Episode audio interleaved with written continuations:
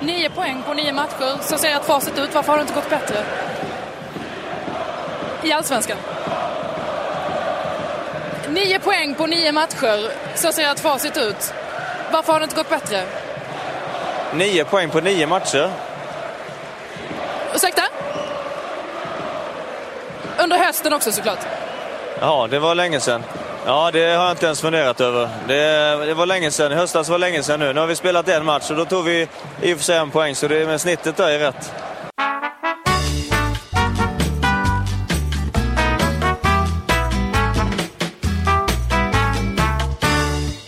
Hallå, hallå, hallå. Onsdag igen, Allsvenska podden är tillbaka. Jönssonligan, ett namn som Robert Laul har hyllat friskt på Twitter. Nu skrattar han lite. Välkommen Per Boman och Robert Laul. Tack, tack. Tack. Fantastisk panel att ha med sig här. Fredrik Jönsson heter jag eh, och eh, i och med att eh, Laul har kommit hem från en resa i USA, Washington var det va? Trevligt? Ja absolut. Jag kom precis av morgonflyget här. Suttit på ett flygplan hela jävla natten så jag hör ingenting. Så, så jag ber alla ha överseende med det. Så jag tänkte att du kan börja pumpa på den här konstgräsdebatten som aldrig dör. Eh, nej, och eh, den fick ju förnyad fart när eh, IFK Norrköpings målvakt där blev skadad. Det var ju tragiskt. Vi lider ju förstås med Mitov Nilsson där som bröt skenbenet va? Och, mm. och är borta hela, hela säsongen. Efteråt sa jag att den där skadan hade aldrig hänt om det hade varit på, på konstgräs. Va? Jag tänkte får man ju, man ju kliva in och sätta ner foten ordentligt. en sån diskussion. Kan vi, vi kan ju inte ha ett överslag där på att, på att det helt plötsligt är konstgräset som ska hyllas. Va? Som ju är roten till väldigt mycket ont i den här världen. Gick han emot gräskartellen kanske? Ja, ja det gjorde han ju definitivt. Eh, men det blir konstigt. Men, nej, men det är klart att man ska ställa, ställa krav på att det ska vara fungerande gräsplaner. Falkenbergs eh, plan har ju beskrivits som en åker här och jag skrev, såg ju den mot när Östersund var där och spelade och det hoppade och studsade. Det var lite bättre nu vad jag förstår och Falkenberg mm. verkar de ganska stolta över sin plan ändå. Jag har fått ganska mycket reaktioner faktiskt för folk från Falkenberg som är jävligt förbannade för jag såg att deras plan här. Va? Så att det råder till och med delade meningar huruvida Falkenbergs plan är, är bra eller inte. Okay, alltså. eh, men det är klart, vi måste ställa krav på att det är bra gräsplaner. Men nästa steg det är att helt enkelt eh, ställa det kravet ordentligt. Och då kan man ju faktiskt plocka bort konstgräset. Helt? Ja, helt. Mm. Hybridgräs, absolut. Det är eh, också många som för fram i, i debatten att man, man, att vi ska lyfta mer på hybridgräset då som ju är något slags 90-procentigt gräs eller hur man ska beskriva det snabbt. Men det är ju väldigt, det är väldigt likt ett, ett fotbollsgräs. Det, skulle, det blir ungefär som gräsplaner. Där måste man komma ihåg att det är oerhört höga energikostnader till det. Det, den, det är inte helt okontroversiellt eh, ur miljöperspektiv om vi ska väga in det och det får man göra 2016. Det, det, det tar mycket, mycket energi att ha ett fungerande hybrid, hybridgräs. Men hur ska man övertyga liksom, kommuner och liknande att lägga mycket pengar på en bra gräsplan snarare än konstgräs? Ah, det går ju inte och jag tycker väl man ska hålla isär det där. Jag menar elitidrott är en sak. Eh, det, här, det här som man gör nu att det finns massa konstgräs för att kommunen ska ha massa nyttjandetimmar och, och många ungdomar ska kunna spela. Det är jättefint men de planerna får man, planerna får man väl lägga bredvid. Eh, på matcharenorna får det, vara, får det vara gräs helt enkelt. Eh, det är i alla fall eh, på tiden att det bara går i, i, i den riktningen igen för att eh, nu, nu har ju den här konstgräsdebatten har ju kantrat åt, åt helt fel håll när, när liksom Mita och Nilsson går, går, ut här och skyller sin skada på, på att han spelar fot på gräs. Det är ju ja. fotbollens underlag. Ja det är sjukt. Alltså, vad, det är sjukt. tänk om du hade sagt det i Spanien. Folk hade trott han var klok för fan. Han har fått stryk. Ja, inte långt ifrån. Jag har tagit andra benet på honom också. Nej men allvarligt talat, det blir ju jävligt konstigt. Det är ju på gräs fotboll ska spelas. Men numera är ju vi som, som ändå förordar att allt allt nedanför liksom Stockholm ska vara gräs. Vi är ju minoritet numera ju. Majoriteten ja. av klubbarna har ju konstgräs. Ja. Och det har vi förlorat frågan helt enkelt. Det är slaget över. Jaha, det verkar lite så. Jag, jag ju, ja, det kanske är ett sista, sista dödsryckning från en gammal kvarleva från förr som slåss, slåss för gräs. Jag har varit ju hånad av Östersund. De gick ut med, med mm. sitt officiella Twitterkonto och hade någon bild hur det såg ut där uppe i, i mars då att, att snön vräkte, vräkte ner. Och det får man ju ha respekt för. Det är klart att det blir svårt men då får väl satsa sina pengar på det istället för att skriva dyra kontrakt med Validata. Han reagerar också på det på, på Twitter så det var många som, som reagerar på den på den jämförelsen. Men eh, är det väl så orättvist då? Jag menar de har ju inga backhoppningsbackar i Malmö. Nej, exakt, exakt, alltså, eh, exakt. Är det en rättighet att, eh, att, att det ska vara enkelt att, att spela fotboll? Du kan ju inte anordna skittävlingar i, i vad, vad som helst heller. Nej. Plus att vi har ju sagt, du skrev ju också att det kanske är dispens för klubbarna norr om Stockholm Eller skrev du det? Ja, jag vet inte om jag skrev att de skulle ha dispens egentligen eh, faktiskt. Mm. Jag tycker nog att det går ju faktiskt att fixa gräs där också. Men det kommer ju kosta lite grann. Mm. Det mm. kommer kosta lite energi framförallt om man till exempel ska ha ett hybridgräs där då. Men då kanske man ska ha ett hybridgräs där uppe och så får resten av, av klubbarna faktiskt lägga lite kraft och energi och satsa lite resurser på det som någonstans borde vara prio ett. Alltså underlaget som, som den här idrotten utövas på. Men det verkar vara noll interndebatt inom, inom förbundet? Ja, SEF driver ja. väl, alltså Svensk Elitfotboll då, intresseorganisationen, de driver väl just hybridgräsfrågan då ganska mm. aktivt. Men, men ja, jag håller med dig, de kan göra det bättre. Någonstans ser jag Laul stå i, i mitten och veva mixan. alltså jag är ju en, egentligen en helt uh, oberoende och partisk journalist i den här frågan men uh, jag värnar ju om uh, fotbollen som jag har följt i alla år. Absolut. Det, vi har inte hört det sista i den här debatten. Det jag tror vi, inte. Nej, nej, det var ett understatement. Det Men det är ju intressant ändå. Okej, okay, man tycker det är uttjatat och så. Så skrev jag, skrev jag en krönika om det nu. Jag tror mm. jag har inte fått lika många reaktioner på någon krönika hittills. Så att det är ju nej, ett aktuellt exakt. ämne. Så att det är ju inget fel att göra journalistik på det. Vi borde kanske göra, ta ett nytt grepp på det. Vi tog ett stort ja. grepp förra året. Vad fan, vi kan väl ta ett till. Nu med jag tycker jag nästan att, som vi säger, att vi som är gräsförespråkare är nästan minoritet och mer militanta då. Ja, ja. Och liksom, liksom den här nöjdheten har brett sig ut bland konstgräsförespråkarna. Ja. De pratar lite mätt om liksom det är fin fotboll och vi kan inte gå tillbaka till stenåldern och bla bla bla. Liksom, de, de har nästan liksom rätten på sin sida nu och bara liksom ja, sparkar neråt mot, mot gräsförespråkarna. Ja, ja, det jag hör ju vad du säger. Det låter fruktansvärt. Lausvettas ja. Helt förstört. Han vill till och med mållös. Eh, nej, det ska bli spännande att följa. Givetvis var det jättetråkigt att eh, of Nilssons eh, säsong är över. Jag tänkte vänta med det faktiskt och ta det mycket, mycket senare. Men jag börjar, jag kör det redan nu när eh, vi diskuterade det här med att det blir reaktioner där ute. Jag såg det här Vali Datta skrev till det på Twitter. Och jag eh, kan väl säga att vi var ganska hårda mot Falkenberg i förra podden. Eh, vi ska lyssna på lite, lite saker som sades om, om detta lag.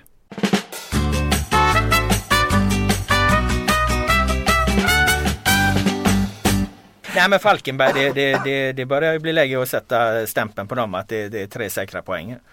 Man tycker väl ändå att Falkenberg borde ha någon stabilitet? Ja, men Falkenberg har levt på lånad tid. Det var ju helt otroligt att de ens lyckades ta sig upp i Allsvenskan. Det var ännu mer obegripligt att de lyckades klara sig kvar. Jo, Sen lyckades de så här klara sig kvar en gång till. liksom. alltså, jag menar Falkenberg, liksom. det finns ingen fotbollskultur på det sättet i den stan. Där kommer komma ikapp dem förr eller senare. De har inte de, de förutsättningarna att bedriva eh, allsvensk verksamhet. Det känns ju som ett division 1-gäng liksom. Som ja. går ut på banan där eh, emellanåt i, i mycket man ser. Till och med programledaren tar fram sågen här nu. Ja, ja, alltså, jag tycker att de är så jävla usla alltså. eh, och jag tycker, jag tycker samtidigt synd om dem. Jag vill inte att de ska vara så dåliga. Nu får vi se upp här. Nu är risken att Yellow White Pride står med en demonstration här utanför Aftonbladet. Men jag, alltså, traditionellt när man levererar sådana här generalsågningar som programledaren har gjort så brukar ju, så brukar ju laget eh, sluta sig samman och, och, och, vända, vända det som tändvätska. De kanske spelar upp Fredrik Jönsson här nu inför, inför nästa match. Men du har ju redan sagt det där med att det är det svåra tredje året. Det var flera ja, veckor sedan. De ja, lyssnar inte på dig. Nej men jag tog ut i, i, från knävecken som du gjorde där. Nej, eh,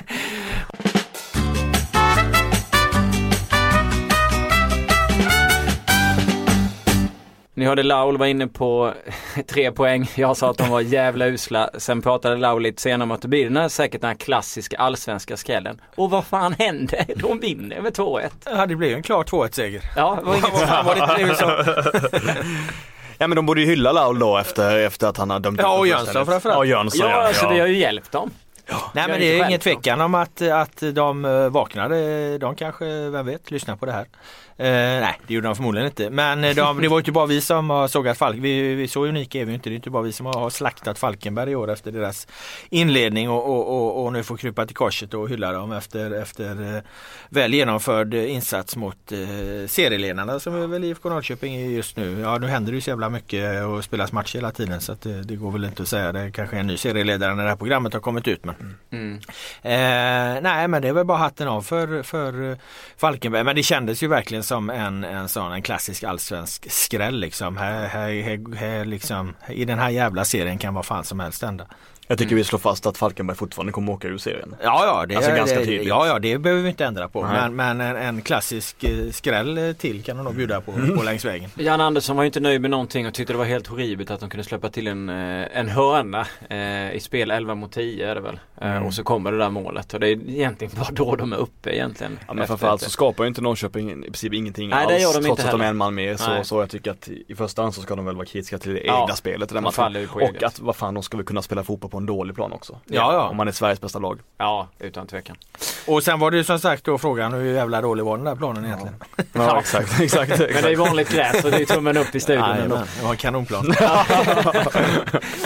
eh, försnack, sen kliver vi in som vanligt i eh, 1-5 plus. Vi började på det positiva och då är vi kvar i IFK Norrköping och eh, Totte Nyman.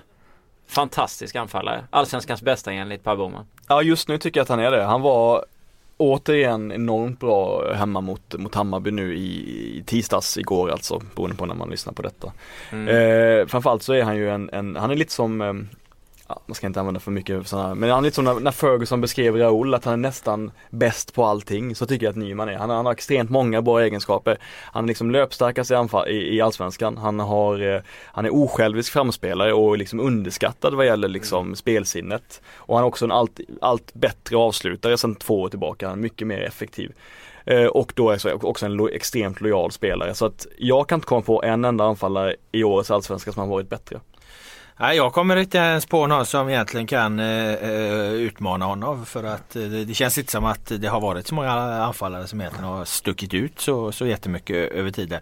Det är intressant med Nyman för han har väl eh, i Norrköping har väl pratat sen, sen 2011 om hur jävla bra han, han skulle bli. Va? Sen hände mm. det ju ingenting 2012 och inget 2013, inget 2014. I fjol var han ju bra. Och då tänkte man ju mycket att det var, var Kujovic då. Att mm. eh, han har den där murbräckan bredvid sig och han eh, är som du var inne på väldigt löpstark och, och, att de fungerar väldigt bra ihop. Han får mycket ut av, av, av sina löpningar och det här hårda jobbet han, han lägger ner. Eh, jag håller med dig, nu har han visat att han faktiskt står på egna ben. Och liksom... Det har ju tagit ett jävla tag. Jag såg han i någon januari-turné för, för en herrans massa år sedan. Va? Då, då, Ja, då ville man väl skicka hem honom från USA eller var vi nu var någonstans på, på den här turnén. Där fick han ju inte uträttat mycket. Men eh, vissa blom, blommar ju lite senare och det, det har ju Nyman definitivt gjort. Han, faktiskt också, han var också iskall det här året sen året turné. Märkligt nog. Han var ganska ja. dålig faktiskt eh, även i år på, på vintern. Men han kanske är en spelare som måste komma i full fysisk form just som han lever så mycket på fysiken. Men jag menar det visar också hur bra, alltså hur bra, hur bra medspelaren är. Att en Sebastian Andersson också ser, ser ut att få en ny vår bredvid honom liksom. Mm. Jag tycker att det är han liksom släpper bollen förbi sig snabbt och löper djupled på ett väggspel. Han är liksom, han är smart Nyman. Eh, och jag, eh, jag menar man, man är alltid rädd för att gå på på Mats Olsson, Raja spåret Men som en rollspelare hade jag inte haft tyckt det var helt sjukt att testa honom eh, inför EM liksom. Alltså kanske som en fjärde eller femte anfallare. Bara se hur han skulle kunna klara av en landskamp eller sådär just för att han är så pass lojal också och kan tänka sig sitta på bänken utan att gnälla. Ja, ja nej men det, det, det blir ju ingen Raja diskussion av det här med tanke på att Nyman har ju faktiskt slitit i, i, i fem år här för, för, för att någon, någon eh, lättlurad journalist ska vilja ha in honom i någon EM-trupp någon gång. Liksom. nu kom den va, så att för lång och trogen tjänst så får Nyman den här. Det, det kan jag ge honom. 23-24 år va? Eller vad är han? Ja han är, han är någonstans där. Född 91-92. Ja. Eh, men det, så, det har inte impo, det har inte så många anfallare som har imponerat som sagt. Den som, men då är frågan om han är anfallare egentligen. Det är väl Astrid Dajdarevic mm. i så fall i, i, i ÖSK som väl är lite mer upp och ner i sina insatser i år. Men, eh, men hade ju en, en fantastisk prestation mot eh, mot IFK Göteborg här när ÖSK vann med 3 Men han är ju inte någon renodlad anfallare. Han ligger ju lite, lite bak och fiskar. Men det, är ju rätt intressant för att eh, den spelartypen eh, fungerar inte så ofta i Sverige. Men han gör ju det. Han är nog den som har högst, högsta nivå nästan. Ja, alltså. ja. Och hela Örebros spel pendlar ju med hans prestation ja, också. Liksom. Honom, ja, och det, är, det är intressant. Det är rätt kul att se det att de kan vara bra i perioder i matcherna för att han är skitbra. Och sen när han går ner sig så bara för de hade ju faktiskt, alltså de hade ganska odugligt försvarsspel mot Blåvitt egentligen. Ja. Så, att, så att, eh, att de ändå lyckas vinna matchen är starkt. Men vilka är mer där du hotar då? Alex Isak givetvis i AIK då. Ja. Där tittar man ju extremt mycket på, på att han är så ung va? Att ja, han är 16 år. Men alltså, han gör ju något helt otroligt. Men det hänger ju väldigt mycket ihop med, med att han är ung. Men Carlos Strandberg är också bra i AIK. Nyttig som fan ja. Det, det, det, det, måste man göra. Sen har ju Sam Johnson i Djurgården gjort en jävla ja, massa mål va? Men det har vi redan konstaterat att det har ju mest handlat om att Kevin Walker har skjutit en hörna honom på, in i mål. Nej men han har också gjort, gjort jättebra ja, forwardsprestationer eh, mm. där. Eh, Hussein har ju inte eh, levererat Nej. riktigt så bra som man hoppas. Man har gjort en del mål, viktiga mål och så här. Men, men, men, men, inte, där har man ju så mycket högre förväntningar också. Samma med Marcus Rosenberg ja. har varit inblandad en hel del men, men, men där har man ju också enorma förväntningar. Mm. Så att du är väl något på spåren där med, med, med Nyman då tycker jag. Jag tycker han kan förtjäna, förtjäna sina fem plus här. Mm. Eh, så får vi se om vi om vi lägger ett för tungt ok på hans axlar här så han rasar igenom eller om han fortsätter att leverera. Han verkar också vara en väldigt fin person. Han är väl mm. uppvuxen på läktaren där på, eh, ja, vad ska vi kalla det, Östgötaporten är det väl ja. som det heter nu.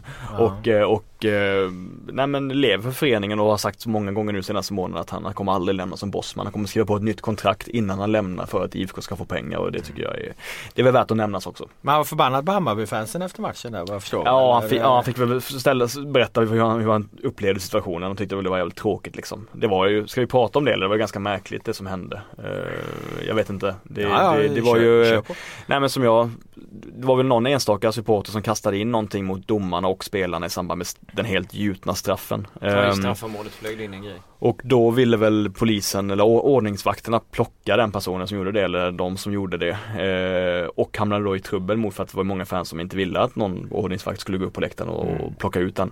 Och då blev det liksom hårda tag direkt mellan ordningsvakter och, och publik vilket gjorde att polisen gick upp på läktaren med kanske, ja, jag vet inte, 20 poliser, 25 poliser. Och då blev det ju full kalabalik liksom. Matchen bröts ju i säkert 10 minuter och, och, det stod ju en kille liksom med en jävla pinne och slog på mot poliserna i, i några minuter.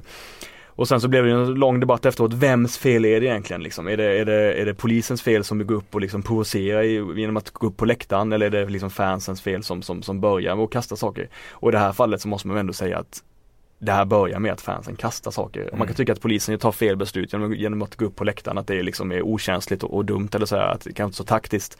Men man måste ändå se, se det som att det ändå börjar med att någon jävel kastar in saker på planen. Ja men i en normal situation så om någon jävel liksom kastar en, en, en flaska och så och, och, polisen ser detta där, då, då är det klart att de, de ska ingripa. Sen blir det ju speciella situationer med, med om de ska upp på läktaren och så här och, och, och de ska inte provocera fram situationer som kan sluta ännu värre och så. Men det gjorde det väl väl inte vad Nej. jag förstår här. Det var, var väl inga, inga skador och så här. Så att, eh, så att i så fall får man väl ge polisen rätt i, i det här fallet. Då. Ja, det jag förstår. Nu var, såg ju inte jag där om att det där så det är väl, det är väl svårt att veta men, men eh, eh det kan ju inte vara ett laglöst land eh, en, en fotbollsläktare. Det, det är väl den grundinställningen man, man måste ha till ja, det blir lite luften i fristämning ibland liksom. Att, ja. att, att, liksom, att, att, att, liksom, att all, anything goes bara för att någon går upp på läktaren liksom, eller någon, att någon ordningsmakten försöker ta sig in där och det, det kan vara lite, jag kan tycka att det är lite, lite barnsligt ibland helt enkelt. Mm.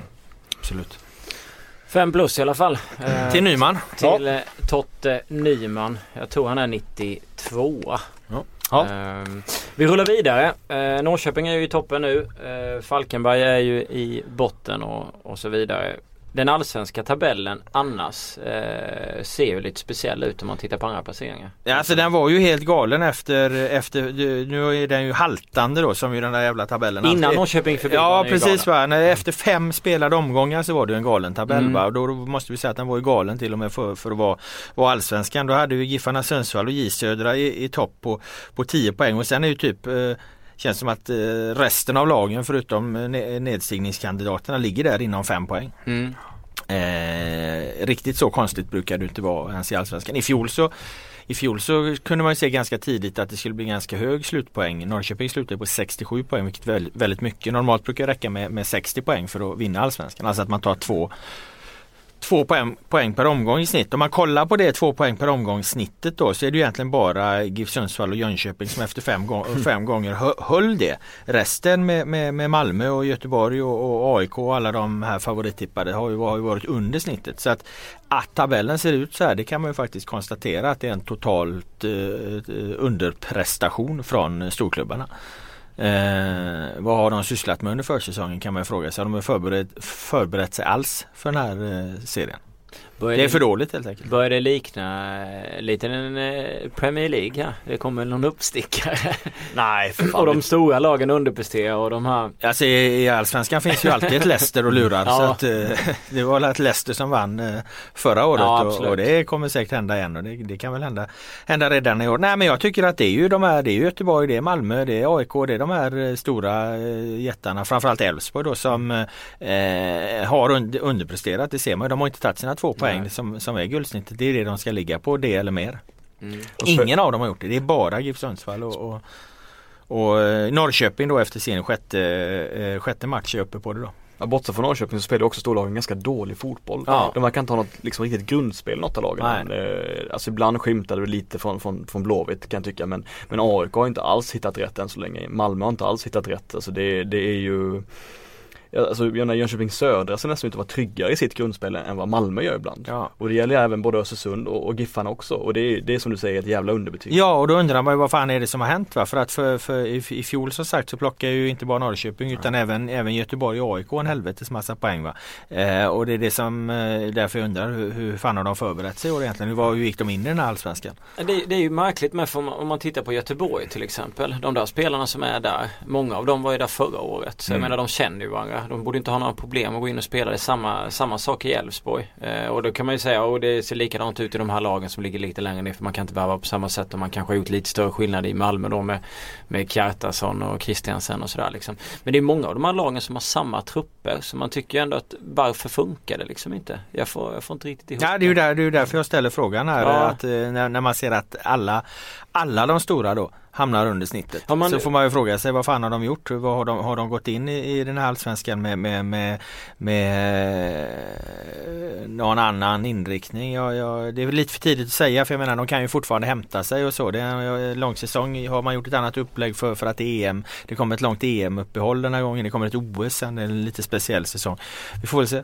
Det... Men ska vi apropå det, apropå det gå in på 3 plus grejen för det är väl Malmö som är 3 plus? Ja alltså jag tänkte bara ställa mm. Thomas Nygren skriver på Twitter Allsvenskan har världens längsta försäsong ändå hur många lag redan skadeproblem tränar man fel och sådär. Kan det vara att man just har som du var inne på där med OS och EM att man har tränat annorlunda?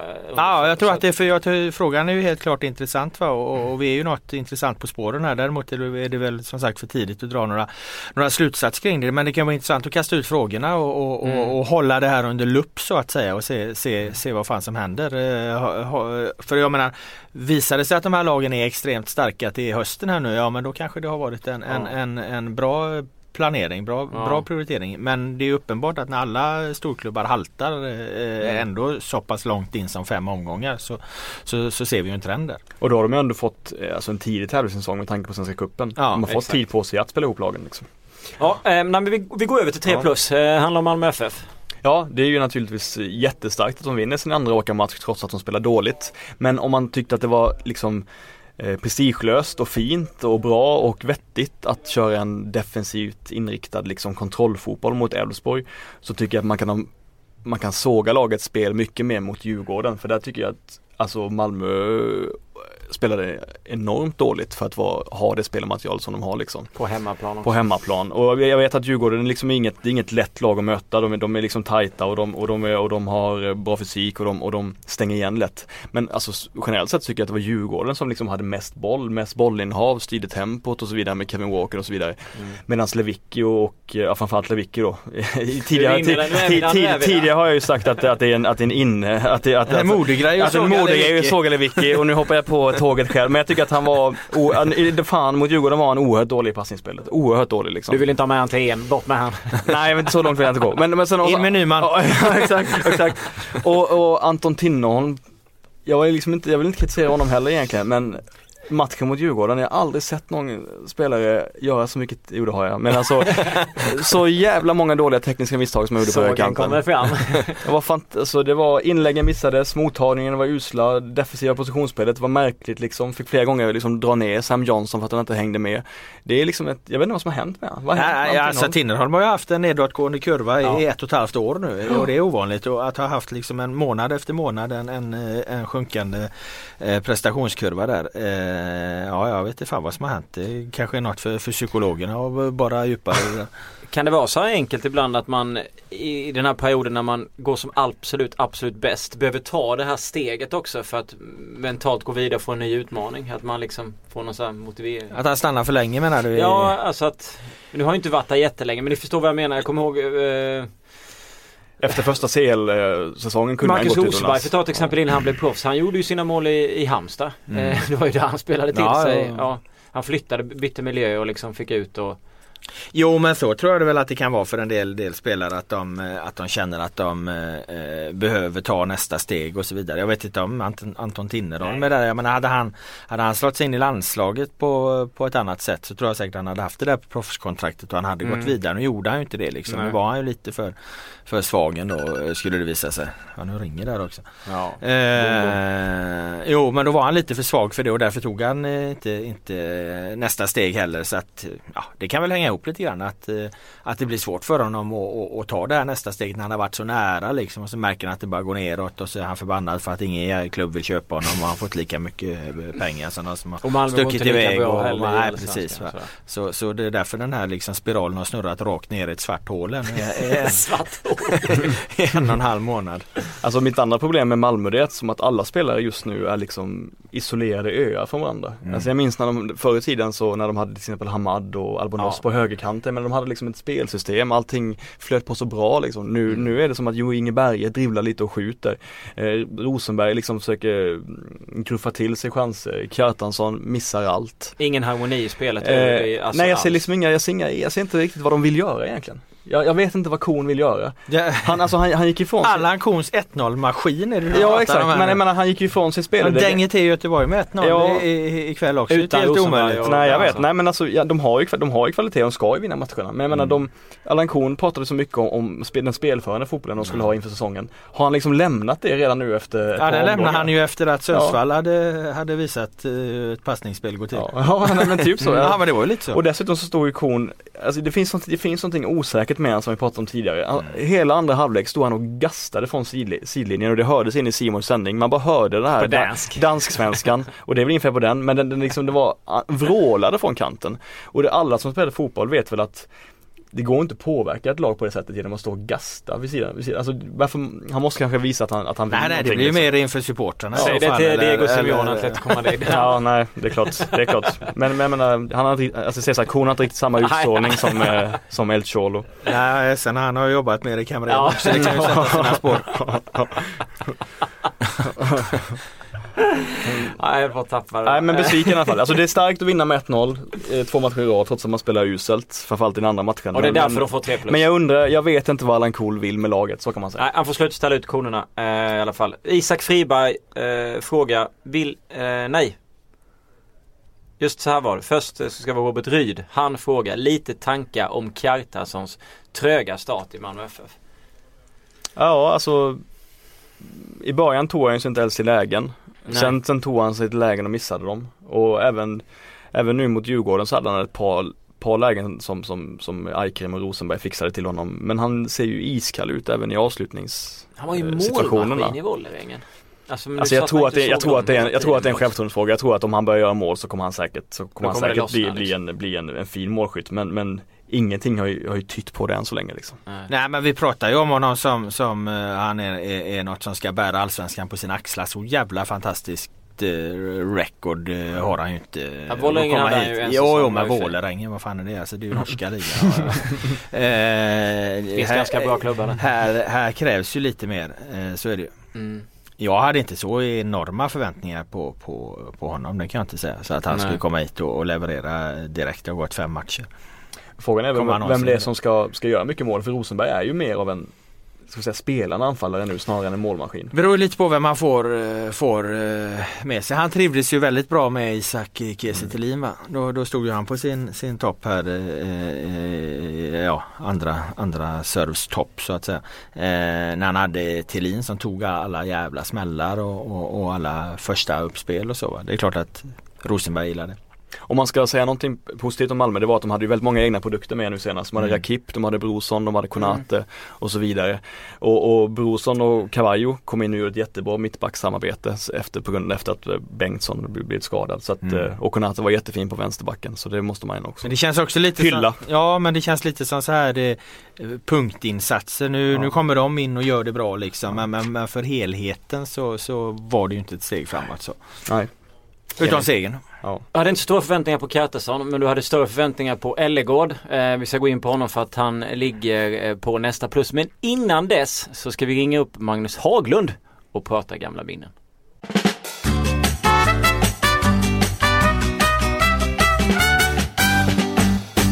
Nio poäng på nio matcher. Så ser ett facit ut. Varför har det inte gått bättre? Ja, det är en, um, det är ju en uh, klassisk uh, fin intervju det där. uh, som uh, Nora Strandberg gjorde med mig 2008 inför uh, hemmapremiären mot, mot AIK. Och nu är det ju så att vi står på samma poäng och det kan ju vara så när man har det ja. resultatmässigt uh, motigt en period. Att, att det kan bli just den summan på det, det antalet matcher. Så att det, visst, det, det, det tangerar den frågan som Nora hade då. Jag ringde upp eh, Nora nu, eh, Henriksson heter hon nu för Strandberg och eh, hon skrattade ganska mycket. Och hon sa att ni hade garvat mycket åt den frågan också för att det blev eh, lustigt precis innan matchen. Hur, hur minns du det då? Ja, jag minns ju att jag liksom, som alla kan se på det Youtube-klippet så, så ser ju alla att jag förstår ju inte Nej. Jag förstår inte frågan. Va? Jag, jag står ju där som ett, uh, som ett fån kan man säga och hon frågar träget vidare.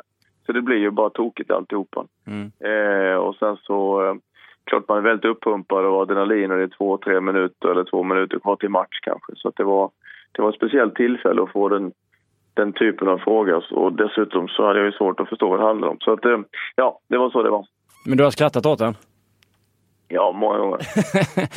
Men om, om vi... Och, och, många, och många med mig kan man ja. säga. Så tycker jag att den är härlig.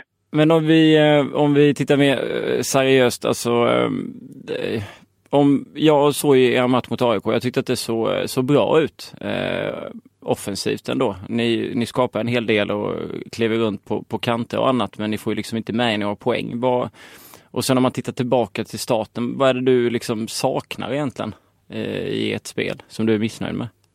Mm, egentligen så är jag missnöjd med en halvlek som vi har gjort. Vi har spelat tio halvlekar och har en dålig. Mm. Det var vår första halvlek mot Kalmar som var riktigt dålig. Mm. Sen har vi, eh, sen har vi gjort eh, okej, okay, bra eller mycket bra halvlekar. Eh, speciellt matcherna mot Häcken, Malmö och AIK är tre, tre starka matcher och där vi faktiskt går ifrån plan med noll poäng i samtliga fast vi, fast vi var eh, bättre än Häcken och eh, spelmässigt bättre än AIK och eh, en helt jämn match mot Malmö FF. Så att eh, det har liksom varit eh, lite, en hel del stolpe ut för oss kan man säga så här långt då.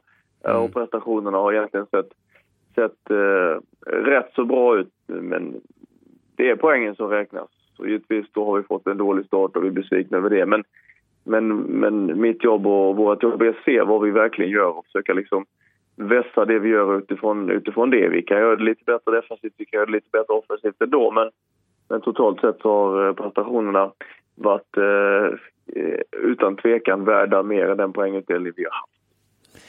Har det med det där klassiska flytet att göra eller vad kan man peka på? För att mot Malmö som sagt, som du säger, är ni ju bra. Det är ett misstag som gör att ni får noll poäng istället för i alla fall en poäng i den fighten. Och mot AIK är det väl två eh, bjudningar av Ellegård. Annars så tycker jag väl att ni absolut borde fått poäng och kanske till och med vunnit där. Så att, men vad är det som gör att man inte har det där? Är det flytet? Eller du har ju ändå varit med ett tag. Vad är det liksom som gör att man, man får bägaren att eh, gå åt andra hållet så att säga? Det, det är faktiskt väldigt mycket tillfälligheter. Fotboll eh, innehåller ett större mått av tillfälligheter än vad, än vad nog gemene man kanske tänker och, och tänker och tror.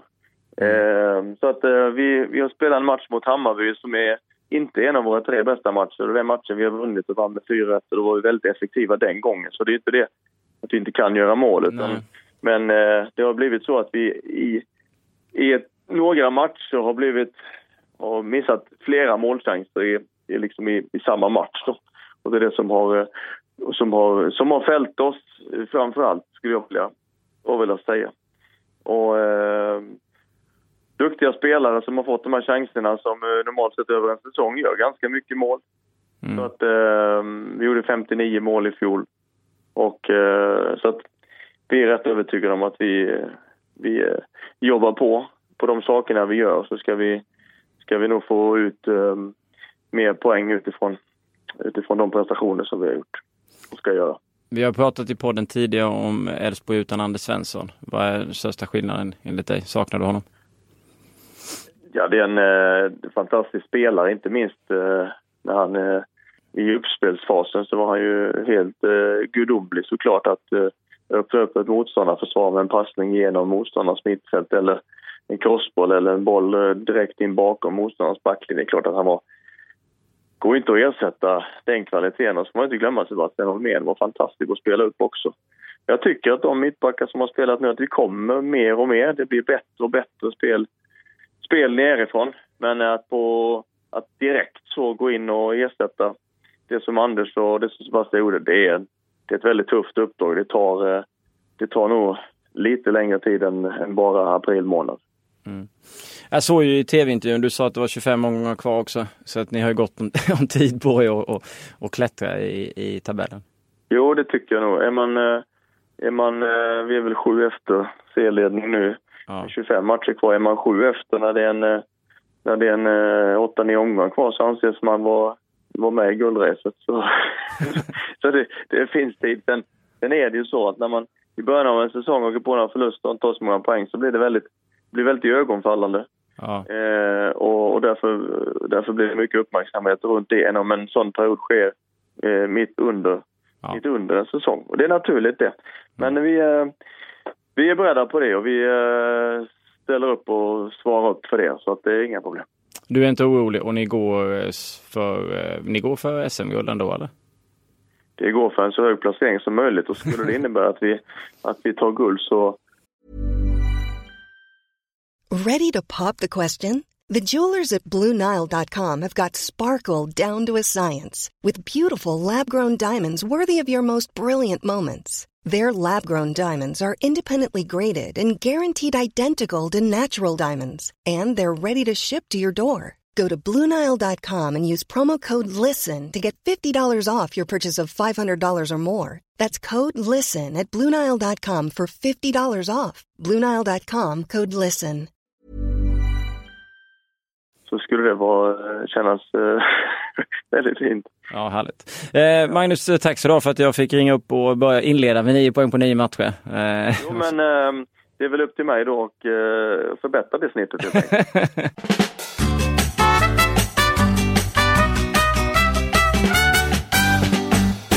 Fantastisk intervju. Nio poäng på nio matcher. Inte min då, men Noah Strandbergs. Noah Henriksson. Den gamla klassikern? Ja. ja den, är ju, den är ju helt underbar. Absolut. Eh, Haglund har ju inte en aning om vad, vad, vad, vad, hon pratar om eftersom hon hänvisar till matcher från förra säsongen också. Eh, Topp 10 på det roligaste som har hänt i Allsvenskan under 2000-talet. Ja lite så men eh, jag var ju lite sur på dig ja. först efter matchen att du inte vågade ta den då att jag fick ringa upp härifrån. Jönsson var på mig inför matchen eh, mot AIK att förlora Elfsborg så måste du säga det. Nio poäng på nio matcher. Ja. Det är ett facit. Ehm. du skulle citera Nora Strandberg också. Ja, exakt, exakt och alla, alla det var ju många reportrar som våndades inför presskonferensen som hade liksom, som ville ställa frågan men som inte riktigt hittade läget. Och jag var en av dem då eh, som fegade ur. Och sen så står man där och väntar på Alexander Isak, man skriver någon text om Den Avdic skoproblem och så man ser Haglund. Man ser, man ser Haglund gå genom mixade zonen, man tänker på Jönssons order. Men man vågar inte. Och det är dåligt. Det är dåligt. Det är ett plus faktiskt. Jag borde ställt frågan. Ja, ja, det där är ju en del av äh, allsvenskans moderna historia att följa mm. upp det här liksom. Du hade ju för evigt varit inskriven i den va? Alex Isak, eh, vad är det liksom? ja exakt, ingenting. Men Jönsson lyckades ju få intervju med Haglund om det nu så kudos Jönsson, bra, bra jobbat. Absolut, och jag ringde faktiskt Nora också för att få en bild eh, av hur hon upplevde situationen.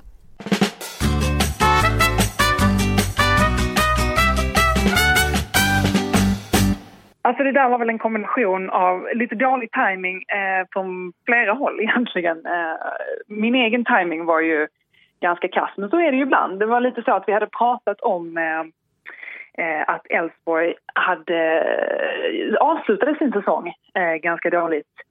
Eh, och nu hade man ju börjat säsongen ganska dåligt också. Eh, och detta har jag mm. pratat om i studion. Eh, och därför så vill jag plocka upp det att det var inte bara så att det har gått dåligt nu i början av säsongen utan jag avslutade också dåligt. Men det var liksom mitt i inte mitt i stridens hetta, men inför den i den här allra sista intervjun för, för avspark. Eh, och där så passar det inte riktigt sig eh, att föra resonemang kanske. Eh, man hör dåligt, det är mycket publikljud. Tränarna är ofta väldigt, väldigt fokuserade inför avspark. Och dessutom så var frågan då, blev det som att frågan blev väldigt liksom kortställd och, eh, och Magnus var lite så här, jag tror att han fattade nog kanske lite grann vad jag menade men han tyckte det var en idiotisk fråga och han tyckte det var helt fel läge att ställa den. Ja. Och samtidigt som han då står och blänger på mig, så börjar eller kanske till och med samtidigt som jag ställer frågan, jag har inte sett det här på jättelänge, men så får jag någonting i örat, någonting helt annat så att jag liksom måste lyssna till. Eh, och det är det som gör att man blir lite så här tum i blicken som kanske är svårt för folk som inte själva varit i den situationen och, och sätta sig in i. Så att eh, blängandet eh, tror jag var ungefär den bakgrunden. Vi har ju skrattat åt det här efteråt, jag och Magnus, för att vi var så här, på samma eh, allsvenska upptaktsträff eh, säsongen efter och då hade det ju blivit så här, någonting som man fick höra ja. every now and then. Och förmodligen Magnus också, så att, eh, då skrattade vi lite åt det.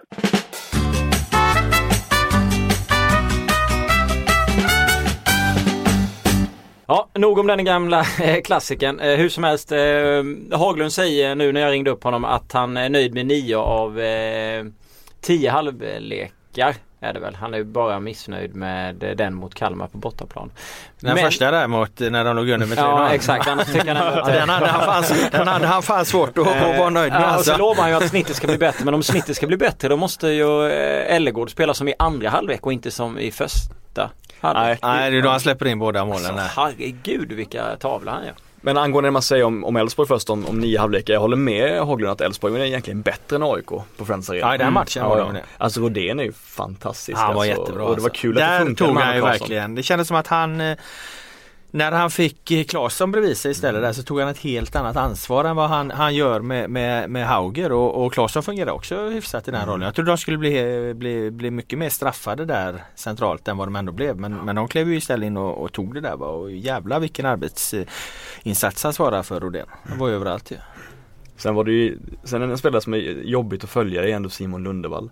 Sällan har jag sett någon så, så självförtroende Nej. dränerad liksom. Nej, mm. man, det, man, ser det på honom. Ja, han vågar inte göra någonting längre. Eh, men vi pratar om Ellegards ja. eh, misstag där. Eh, Isaks första mål då. Jag tycker ju att där gör ju Jag vet inte hur, hur man ser, det Ja precis. Mm. Jag vet inte om man ser det på, på, på plats men man ser det väldigt tydligt på, på TV hur han När omställningen kommer och, och Isak får ytan eh, så tar han två rädda steg in, ja. mo, in mot sin straffpunkt. Ja. Om man tar de två steg och sen kommer han ut då på, på Isak. Om man tar de två stegen ut direkt istället då kommer Isak aldrig hinna in i, i avslutsyta på det sättet. Utan då kan han på sin höjd eh, dra ner honom mot kortlinjen och, och få till ett inlägg. Eh, så att eh, jag tycker att det är Jörgen Horn som bjuder på hela möjligheten. Visst, sen, sen gör Ellegard ett misstag och det, det kan ju hända. Nu hände det eh, två gånger att han gjorde tavlor.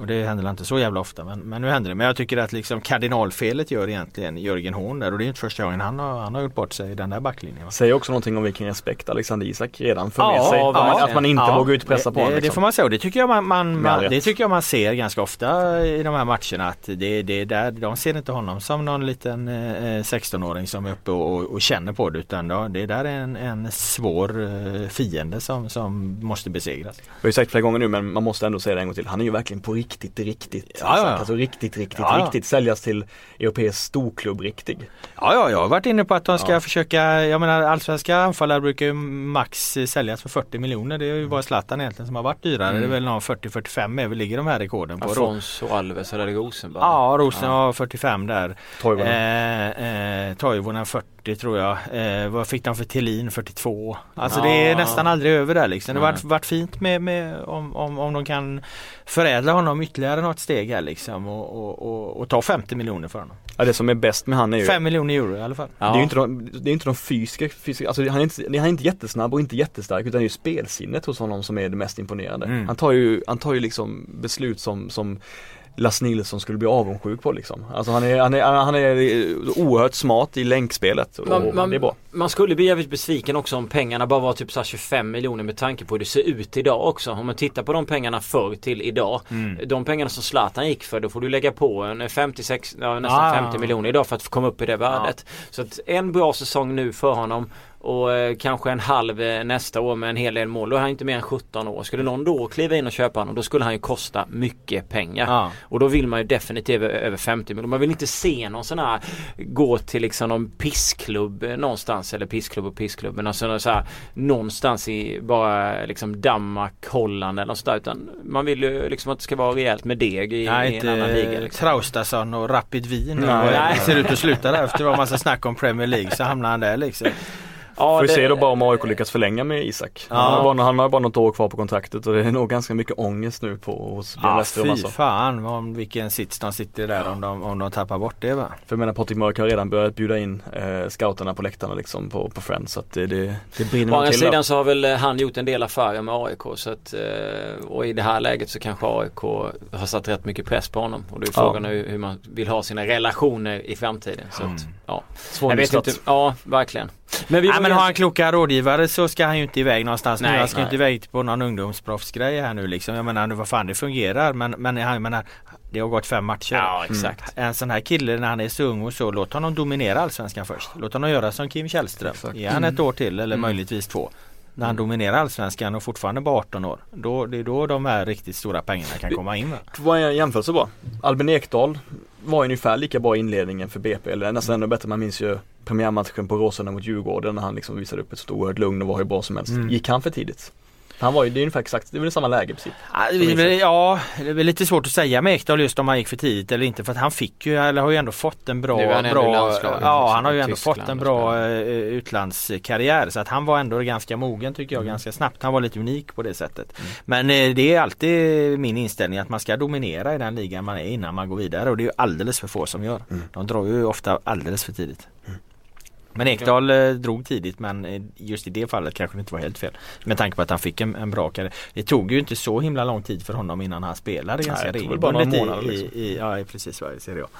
Han fick ju ändå rätt bra utlåning och ja, gick ner ja. till en annan klubb och ja. inte stannade kvar och kämpade på att ta en plats i Nej. Juventus. Liksom, utan, så han gjorde ju smarta, smarta steg ändå måste ja, man det får säga. man faktiskt säga. Mm. och att, han var ganska mogen som människa och person också. Men han är ju en av de smartare fotbollsspelarna man har stött på eh, på många, många plan. Mm. Liksom. Jag måste säga att Isak har ganska mycket likheter med på det sättet. Det är en extremt lugn spelare som, som tänker efter mycket och inte, inte fåfäng som unga tonårstalanger kan vara. Men jag vill jag håller med dig Lav. Jag vill gärna stryka under också att det är bara fem matcher. Eh, ah, som har varit också. Liksom. Det kan komma en smäll, det kan komma något annat. Han kan få liksom press på sig och så kan det vända lite grann och sen vet man inte. Men man hoppas givetvis. Det är alltid spännande när Eh, så unga spelare kommer fram. Men var det första gången de släppte fram honom för intervjuer här nu eller? De har Nej, ja, släppa fram honom i tv. Jag, jag satt ju såg den här matchen på ja. tv från eh, satt i Washington och kollade på det här på, mm. på, på datorn.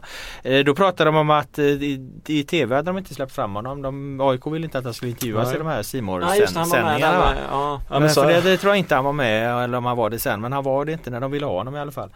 Eh, men nu såg jag att nu hade han ju pratat efter, eh, efter matchen med oss i alla fall och med andra journalister. Då. Ja men det är väl så att jag minns att jag fick en intervju med honom precis innan starten. Ja. In, innan premiären ja, då hade vi en lång intervju med honom att han var en ny Goitom och sådär. Att han liknar ja. honom spelmässigt lite. Eh, efter det så, så, och efter succén borta mot Östersund just, då, blir det, då får man bara prata med Isak efter matcher. Aha, okay. då, då går det att snacka med honom. Men man får liksom inte planera in och komma hem till liksom pojkrummet och kolla hur Isak har det. Så, utan de vill ju, jag tycker att det är vettigt att, att, att han behöver, behöver inte göra för mycket media. Liksom. Så vet jag IFK Göteborg gjorde med sommar Robin Söder. Eh, ja. han, gjorde, han gjorde målet där mot Djurgården och så fick man inte prata med honom efter ett tag innan, innan det var men nu stoppar de uh, Isak från uh, ungdoms... Mm. Uh, vad är det? Exakt. VM, EM eller vad EM, EM i Azerbajdzjan. Ja, men alltså det, det, det när, när de tog beslutet så, så uh, hade de bara gjort matchen mot Östersund tror jag. Mm. Att vi kommer inte, de tog ett principiellt beslut att vi släpper inte spelare till, till turneringar som inte är under Fifa-datum. Mm. Och då tyckte jag att det var lite märkligt och lite, kanske inte så bra inför kontraktsförhandlingar och sådär att göra det mot Isak som ändå verkligen verkar vilja spela. Men nu är han ju kanske lagets Alltså han är ju typ lagets nästan viktigaste anfallare så då kan jag förstå att, att man men tycker att allsvenskan är viktigare. Ja men, men alltså OS kan jag någonstans fatta för OS känns ju som en jävla jippo-turnering ja. ändå. Vad fan det, det, det är tre överåriga, det är något eh, mellanting där fotbollen har ingen riktig status i OS. Det är han ska ändå åka dit. Jo jag vet men vad fan, man får försöka skrämma upp det så gott det går. Men, men särskilt mycket fotbollsturnering har ju OS Nej. aldrig varit så är det om vi ska vara ärliga. Däremot de här ungdomsturneringarna riskerar inte det att bita, bita AIK då i arslet liksom? Att Bra chans att visa upp. Men klubbar eller spelare märker att ja men i den där klubben får man inte mm. åka och spela, spela ungdomsturneringar eller EM-turneringar och så här. Eh, det måste väl ändå vara en faktor som de de vill göra som är ett skyltfönster för dem och, och eh, som handlar om deras landslagskarriär och, och, och, så. Jag tycker det är ett litet vågspel AIK och det håller, ge sig ut på där. Eh, särskilt ifall det liksom är en, en eh, inställning helt utan undantag. Att man inte kan liksom på något sätt kompromissa kring det. De stoppade ju Ofori sommaren innan från ja. U20-VM. Så att de har ju, det blir ju konstigt också om man ska göra annorlunda från svensk spelare jämfört ja, med, med ja. en spelare från Ghana. Så att, ja men det, man sätter det lite farligt när man, när man ha, hamrar in det liksom det... eldskrift. På det Jag pratade ju med 13 av 16 tränare om OS-grejen. Ja. Eh, om det var sportchefen, jag kommer inte ihåg om det var Sundsvall. Eh, jag tror att det var så, jag ska inte, jag kommer inte ihåg exakt vem det var men Men eh, kontentan eh, av det var i alla fall att om man inte har möjlighet att släppa en spelare, för OS hade det varit en eller två spelare från Håkan inga fler, eller EM du en spelare. Då har man större problem i truppen än liksom, de har planerat för dåligt. De måste kunna släppa en spelare under ah. x antal matcher och ändå klara Sa Håkan sig. Eriksson det? Nej Håkan sa inte Nej. det utan det var en tränare som jag ah, pratade ah, med okay. när jag ringde runt. Ah. Eh, och för då, då, ställde jag just den här frågan om att Håkan har sagt att han inte ska liksom dräner, försöka dränera någon klubb utan han ska ta en eller två. Ah. Och då var svaret att kan man inte släppa en spelare under den perioden då har man större, då har man liksom stora problem i truppen. Ja men det är ju helt rätt ju. Ja och det, det, finns det faktiskt en poäng. Så, så, så sätter man tittar på AIK då. Du säger också, han är ju, det är inget snack om att han är en viktig spelare. De har ju rätt stora problem om de inte kan släppa honom under där. Sen är det klart att de kan ha den här eh, slagit fast grejen om att man inte släpper när det inte är Fifa-datum. Absolut liksom. Men jag köper ju ja. Det du säger Laul. Men jag menar om, om, om, om de bara hittat på jävla skor åt den Avdic och, ja, så kan och, de ju säga han och Strandberg. Alltså, ja. Så är det klart att de, de, har spelare så att de skulle Strandberg kunna... sticker ju. Han är inte med nej, han är, alltså, sen efter nej, OS till exempel. Nej men jag tänkte innan. Ja, här, ja. Här, EM är väl i e EM Ja exakt. Det är maj. Det är maj. Det är tre, tre fyra matcher kan han missa Isak. Men Avdic missar ytterligare två matcher minst nu. För skorna har inte kommit än. Alltså, han har haft Nike och gått över till Adidas. Det är väl det det handlar om? Ja, ja vi har snackat ja. om det så många gånger nu. Ja. Men, men, men bara att han har varit nere i fabriken nu och fått specialbeställda eh, skor som ännu inte har anlänt från eh, den här eh, fabriken till Sverige. Jag vet inte. Det är märkligt. Ja, det, det, det, finns någonting, det, det, det måste vara något mer än. Otroligt konstig ja. historia. Det får, får, det får bli ett så här långt uh, offside-reportage ja. sen uh, om ett tag liksom när, när alla detaljer kommer fram. Där. För Skicka vår gamla kollega Oskar Tror han kommer kalla sig Denny Dojan Avdic sen när han kommer tillbaka. Han vill ju inte snacka just nu heller Denny. Han vill ju inte prata sådär Nej, om problemet. Det, det, det, ökar ju också spekulationerna väldigt ja. mycket. Det hade ju varit kanske uppfriskande om man bara gick ut och sa att det här är jävligt jobbigt. Men, ja. Men under den här punkten var det lite Ellegard som sagt ett ljud om honom. Ja, hans två tavlor där. Ja, det, alltså det var ju han och Söderberg som skulle få sig eh, varsin lavett för... Eh...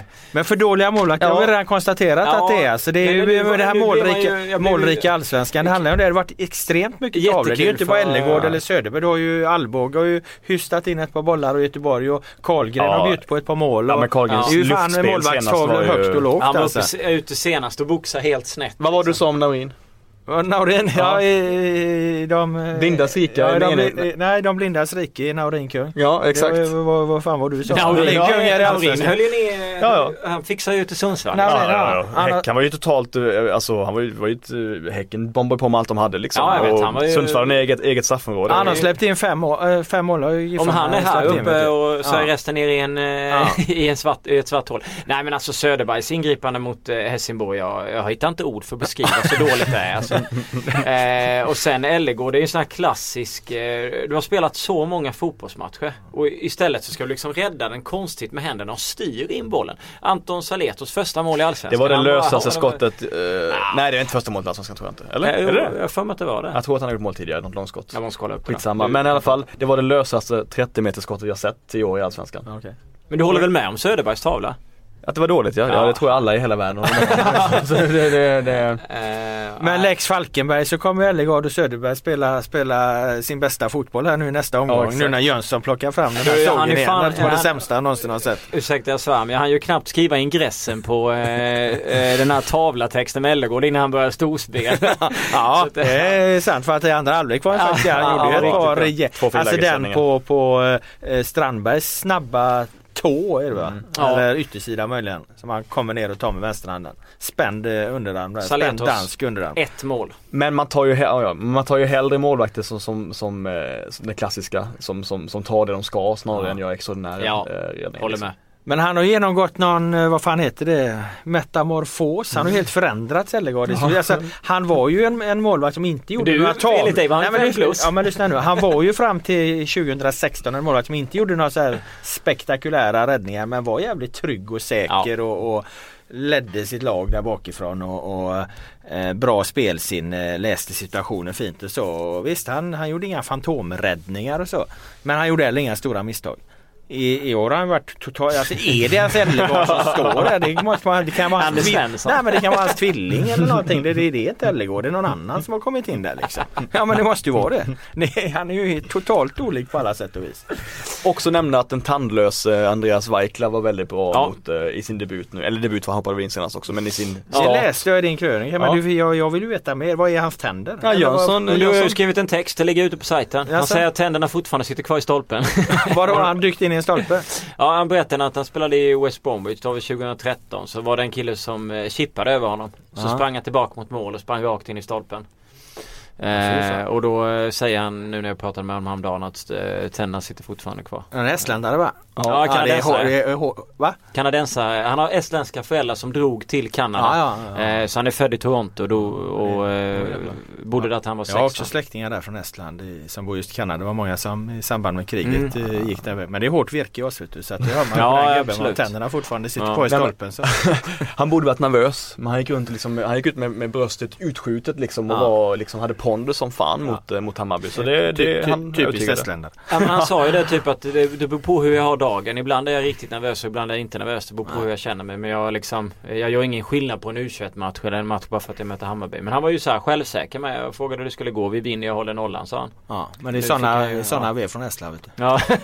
svår fråga. Vem har varit Allsvenskans näst bästa målvakt? Efter näst sämsta målvakt? Ja, exakt. jag trodde jag skulle säga. Ja men näst bästa, vem blir det? Finns det någon som har varit näst bäst i målet? Naurin är kung. Eh, ja, Är kung ja. Blackman kanske varit helt okej okay i Östersund, jag vet inte. Ja. Tror han var ganska bra faktiskt. Jag har inte sett han göra något tabbe förutom i premiären mot Bayern där vi såg han lite svag ut.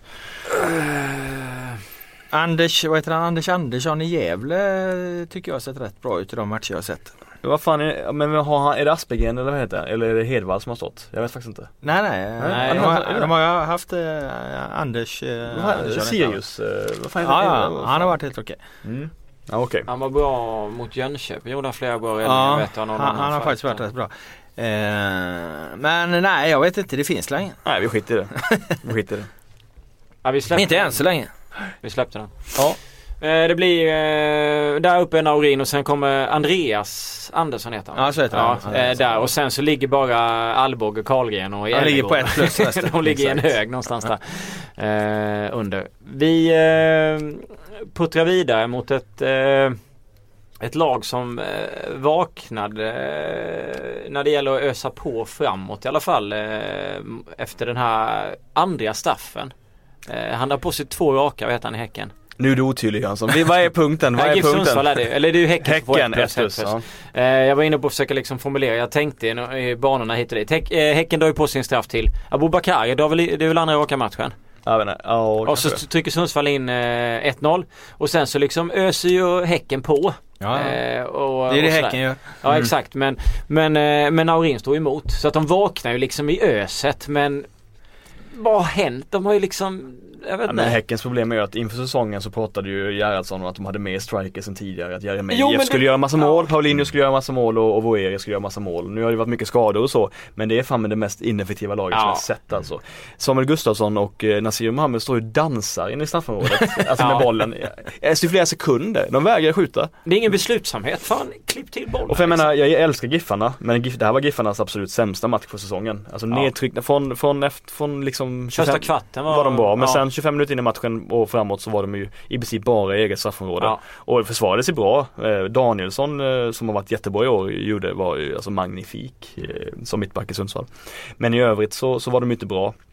Men att Häcken är så tandlösa, jag vet inte. Nej, Gerhardsson, är det dags nu att få nej, kritik? Det eller? tror, nej men kritik, fan, inte sparken. Ja, nej men ja kritik kan han väl få men ett lag som skapar så mycket chanser. Eh, jag gillar inte det här ordet eh, tillfälligheter och allt så här, men det är klart att Häcken kommer bara plocka sina poäng. Jag menar när du ändå radar upp så, så mycket målchanser som de hela tiden gör. För förr eller senare så kommer det där vända. Här är det verkligen värt att på, påminna och påpeka att det har ju faktiskt bara gått eh, fem matcher. Men jag håller med dig. Det var träffande uttryckt att de står och liksom och, och och dansar någon, någon hissingsdans där ja. i straffområdet istället för att sparka in bolljäveln. Alltså det, men det, det, det, de, de skapar ändå så pass mycket målchanser hela jävla tiden. Va? Så att, och de har ju ändå inte varit katastrofala bakåt. Nej. De har ju de, de, de, är ju alltid dåliga bakåt. Så det är ju liksom Häckens grundläge. Mm. Det, det, ska de ju vara. Men, men de har inte varit sämre än vad de brukar vara. Problemet har just varit att de, de har haft extremt mycket mot sig framåt. Jag tror nog att det där ändå kommer vända lite grann. De kommer plocka sina poäng. Men, men mot Elfsborg, Elfsborg skapade väl hur mycket som helst mot dem egentligen. Och det var ju den matchen de vann. Ja, där vann de. Så att, eh, lite komiskt. Men de har bara släppt in eh, sju mål eh, totalt mm. liksom. Det, det, är ju inga katastrofsiffror. Så när Häcken började koncentrera sig på försvarsspelet som alla ville så började det gå åt helvete helt ja, ja, ja. Nej men förra året däremot då kände man inte igen dem. För då skulle de ju helt plötsligt vara, vara något annat lag. Va? Då skulle de ju mer, spela mer liksom cyniskt och, och, och, mer positionerat och så här. Men de, de kan ju fortfarande inte vinna närkamp. Så att det, det, då blir det ju varken hackat eller målet. då, blir det ingenting av det. Så att förra året tyckte jag var rent bedrövliga. Visst nu har de börjat svagt poängmässigt målmässigt här men jag tycker ändå de är tillbaka lite till det Häcken som ändå öser på framåt. Skapar extremt mycket chanser. Det kommer, det kommer rulla in. Nej för fan jag gillar Gerhardsson. Han kör på, han kör på. Han, om man, om man kör, han kör på med samma grej. Vad fan han tror på det han gör liksom. Han ska vidareutveckla och förädla det. Det enda jävla stället på hela jordklotet som man får göra det på är, ju också Häcken. För, för, för det finns inget eh, tryck från någonstans på att det ska till någon förändring. Utan han får fortsätta med det där. Ja. Man får också säga det att det inte är helt enkelt att, att liksom ha John Ovoeri som striker när, när, när, lag, när man möter ett lag som backar ner så mycket liksom. Han måste ju ha, han måste ju ha vidder att löpa på. Han var ju stekhet däremot var du Ljungskile på försäsongen. Bara någon vecka in i Allsvenskan. Jag fyra baljor så tänkte man det här blir spännande att se. Jo men han är bra men han kanske, ska ja. spela, han kanske ska spela ett lag som, som Häcken ändå. Nej, han, är, han passar ju bättre när du får en, en, en omställningsfotboll där helt klart. Uh, men han kommer nog göra sina mål. Eh, Fan vad du är positiv till Ja men ja, ja, det, de här hyllningarna. Jag tror att Gerhardsson har betalt Laul här. Men var det för, kan det vara så att du kände att du var lite för hård mot Elfsborg förra gången? Att du, då var du jävligt hård. Då fick jag väga upp och säga att de är inte så dåliga och nu, nu gör du tjänsten till Nej men Elfsborg är väl heller inte riktigt så dåliga. Men Häcken Nej. är ju inte så. Jag, jag menar jag jag har ju sedan Lasse Lagerbäck 2006 0-0 Trinidad Tobago, eh, Sverige Trinidad Tobago den här VM-premiären där han blev så jävla slaktad och han gick, gick ut efteråt. Du tyckte ändå de hade gjort en bra match och skapat mycket målchanser. Han hade ju rätt. Ja det är hedligt. Alltså det, handlar, det, det handlar ju om att skapa chanser. Vad fan de gick vidare från gruppen. Ja. Eh, så det kommer Häcken också göra.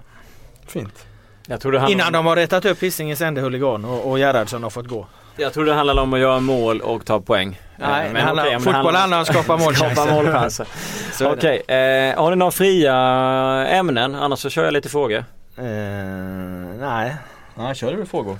Ja, eh, Kasper von Sives har gärna en genomgång av Bayerns fruktansvärt svaga mittbackar och försvarslinje. Oj. Torstenbö som ytterback. Ja, jag nämnde det efter matchen senast. Jag tycker att Fredrik Torstenbö har varit, eh, varit bra som, som vänsterback eh, ändå. Men bra, då menar du att han är bra framåt? Bra framåt ja. och, och så har de haft tur att, att lagen inte har synat det här och inte pressat han hårdare. Men som jag, jag skrev det i någon text efter matchen att Jan Andersson är ju inte så dum att han inte Nej. utnyttjar det. De överbelastade totalt där vi liksom ja. och, och löpte in bakom han hela tiden. Och han fick inget, heller inget understöd från Filip Haglund eller Johan Persson för de hade fullt sjå med att hålla koll på Sjölund och Blomqvists löpningar sådär som de hjälpte inte så mycket. Och dessutom hade Melker Hallberg någon typ av fri offensiv roll så han var inte heller hemma och hjälpte till. Nej. Och det är lite märkligt att inte ge en så pass osäker, omskolad vänsterback eh, understöd. Men ytterback är ju också om vi ska bli lite filosofiska, det är ju den mest felbedömda positionen ja. på alltid på en fotbollsplan. För de bedöms ju enbart hela tiden för vad de gör framåt. Ja. Det är ju inte vad det handlar om. De ska ju på samma sätt som alla andra försvarsspelare täppa igen. Mm. Sen är det jättefint att, att ha eh, spelskickliga ytterbackar som du kan eh, bygga ett anfall på. Det kan vara extremt viktigt. Malmö FF här för några, några år sedan när de hade eh, vad fan hette han nu, Ricardinho och Albonos mm. där va? När, när de kunde bygga anfallen den vägen och, och, och Eh, eh, få uppspelsvägar så tydligt med två väldigt väldigt duktiga eh, ytterbackar med bra fötter, bra passningsfötter. Då är det jättemycket värt. Men, men det här med att man hela tiden hyllar liksom ytterbackar som råkar liksom trampa iväg och, och har mycket fysik och kommer runt och, och får till ett lyckat inlägg lite då och då. Det, det, det är ju hål i huvudet ju. Så det är därför till exempel det, det är trevligare att ha Paconate än Jotun då i Malmö till exempel. Ja. En person som ändå sätter grundspelet. Ja, ja men det är först och främst ska, först och främst ska, ska, ska ju defensiven sättas där va. Mm. Sen om du liksom har, har eh, Hauksson liksom som ibland är, ligger högre upp än, än forwards till exempel i AIK. På. Det kan ju se bra ut någon gång och så men, men, men det är ju inte det som i första hand ska fungera. Va? Jag menar det är lite samma med Torstenbö. Han, han tryckte sig förbi i derbyt var det väl. Han ja. tryckte undan Moon, eh, Moon där och det, det, det, kan väl en halv göra å andra sidan. så att, eh, nej men han tryckte undan honom och satte, satte upp ett, ett halvmisslyckat inlägg som ledde till mål för att eh, Ja, eh, Djurgårdens mittfält inte riktigt hängde med där och tog, tog upp markering. Skitsamma. Eh, ytterbackar är ofta väldigt fel. De bedöms väldigt ofta ja. efter det där va. Kanske dags att testa Bo Wiklander nu ändå liksom. Så han kan spela, han är ju dubbelfotad. Sätta mm. ut honom på vänsterbacken. Eller då ta in Stefan Bata nu som börjar bli fulltränad. För att ja. eh, det kanske blev en match för mycket med Torstenberg som, ja. som, som ytterback i övrigt så, så, så var de för slarviga i passningsspelet i, i mittbackarna och ytterbackarna och Norrköping fick lite för enkelt eh, kontra på dem. Men de är inte så mycket bättre där i Bayern eller? eller? Sätra och eh, Magyar eller? Ja men just i passningsspel så. Alltså, ja, jag menar Sätra är ju en rejäl huvudspelare ja. och Magyar är en helt okej okay mittback ja. så, så duellspel och sådana saker men, men eh, det är inte det bästa ingripandet på Wahlqvists eh, inlägg slash skott. Ja, svårt att göra någonting åt också, är det inte det? När det dalar i en sån, liksom, i en sån vinkel som är omöjlig att nå. Alltså jag tycker det är svårt. Skitsamma. Jag tycker däremot att Birki var helt okej okay igen. Birki Mansäversson som mm. ändå ja, Han är ju bra. Mm. Han som alltid, som alltid varit ja. bra. Men jag menar eh, Sätra till exempel, det svänger ju fort där. Jag menar ja. han plockar ju ner Ranegi mm. totalt i, i derbyt kan man, kan man komma ihåg. Så den, när det blir den typen av matcher så, så trivs, ju, trivs ju han. Eh, nu var det som sagt, nu var ju Ranegi han eh, Han var ju inte riktigt närvarande hela den matchen. Och det, jag gillar ju Haglund och, och Perssons, eller jo, som på, på defensivt innermittfält tycker jag att det. Jag tycker att det är viktigt att Hammarby har de två för att köra sin liksom. Haglund var bra. För att vinna boll snabbt liksom. Men man får inte mycket hjälp om man ska lägga en, en enkel bredsida upp på innermittfältet direkt. Då, då blir det ju så att de kanske slår bort mycket passningar just för att de har ingen bolltryck som kommer ner och hjälper. Och det blir inte mycket framtidens fotboll av det hela heller. När Nej. det var liksom det, det, det granitblocket där liksom. Men det var en jävla strike i Israelsson. Han är ju ja, ja, klinisk. Ja, Scholes som vi kallar honom. Scholes. Ja, ja, herregud. Världens mest otekniske nummer 10 som jag brukar kalla honom. Men det är ingen sågning utan en hyllning. Han gör ju extremt mycket nytta. Ja, faktiskt. Ja, det var fina ord för han och sen även då eh, Torsten jämförs med en halt. på kant. Eh, Marcus Josefsson en liten djupare analys av Södra, en dålig publik och i alla, att i alla Jönköping går till kyrkan på söndagar. Eller nöjer ni er där?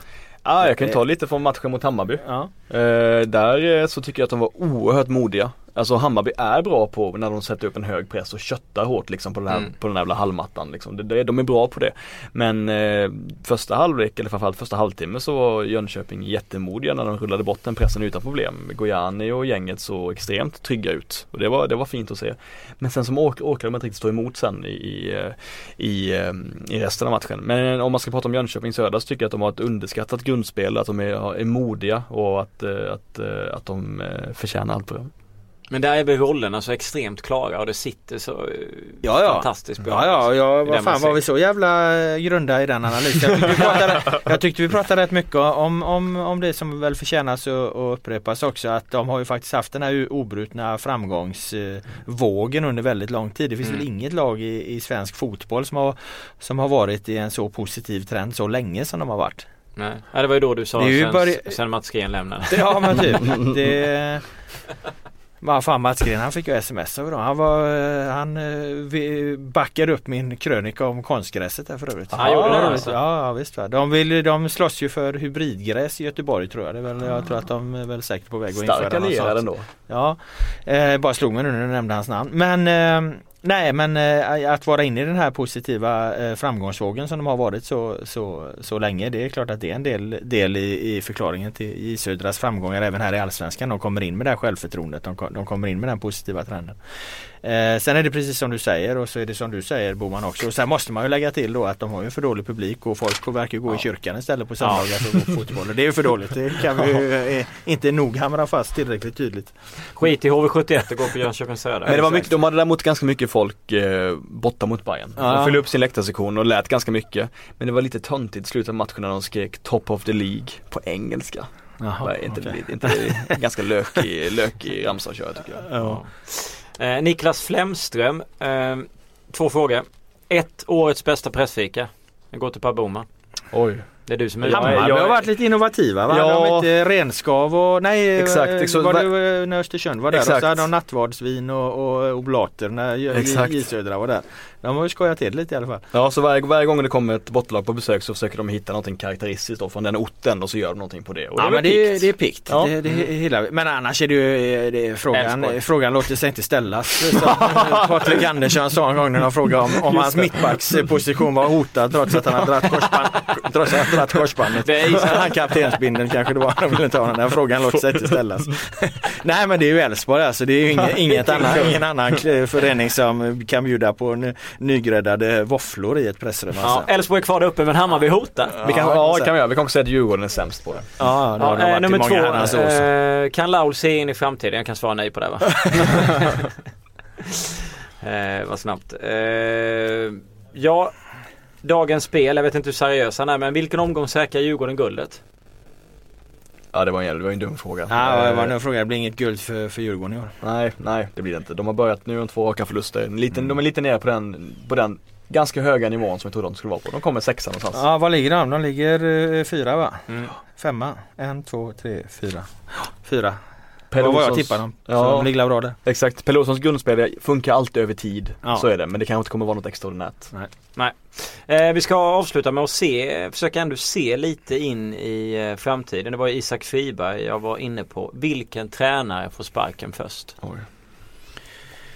Eh, ja du, Alm har man ju svarat tidigare eh, där och, och det vet man inte vad som händer. Han måste ju, de måste ju dra jämnt med, med styrelsen och det verkar du ha lagt sig lite runt AIK där och, och de ha, just eftersom tabellen är så himla konstig så är ju AIK ju inte på något sätt eh, efter utan Nej.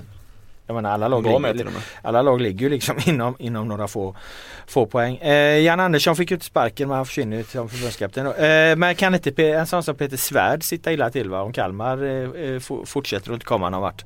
De har ju redan gjort sig av med, med med eh, klubbdirektören. Svante, Svante slutar. Svante, Svante ska väl sluta till sommaren? Gjort sig av, det var väl han som slutade. ja, det, är, det är vad de kommunicerar utåt. Det är klart att det där är, är för att han har gjort det för dåligt. Ja, han, är fi, han är fin Svante men jag träffade honom på upptaktsträffen då såg han så du vet utbränd, sliten ut ändå lite. Du vet när man är lite skakig liksom nästan. Det var, han hade roligt med Allan Korn då. Ja. Jag hörde de stod och garvade så såg han jättepigg ut. Ja, då var vi olika, kommer från olika håll. Han har fått sparken fast de kommunicerade på ett snyggt sätt.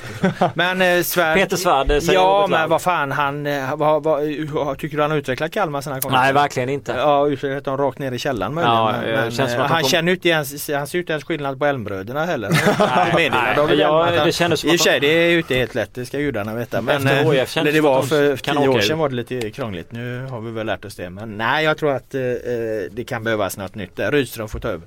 Och om det inte blir Petter så tror jag att, eh, så att säga, om, om Malmö inte spelar bättre och, gör liksom, och inte gör bra resultat heller så kommer nog Allan Korn eh, ligga ganska nära till också. Tror jag. Ja, där gäller det att vara prestigelös om det nu är så att han inte fungerar. Ja. Då får ju, får ju Daniel Andersson och kompani där i, i styrelsen. Då kliver han in själv? Ja då får ju Daniel kliva in själv eh, vilket eh, kanske kan vara bättre till och med. Ja. Men eh, då får de ju faktiskt vara prestigelösa och, och ja. säga att fan det här gick inte ihop. Jag funderar på att säga Hasse Eklund för att hjälpa Falkenberg en gång till med, med, med håller käften den här gången. Falkenberg sparkar nog ingen va? Det känns Nej. som att de inte har ekonomi till att betala ut löner va? Ja, två tränare. jag tror nog att eh, Hasse sitter säkert. Ja, Hasse sitter säkert. Eh, Laul Boman sitter säkert där också. De har inte gjort bort sig idag. Eh, tack för att ni lyssnat. Eh, vi hörs eh, igen om en vecka med eh, en hel del matcher att gå igenom. Vi har ju IFK Göteborg Malmö som, inte, som är ikväll. Därför mm. är den inte med på den. Ha det bra där ute.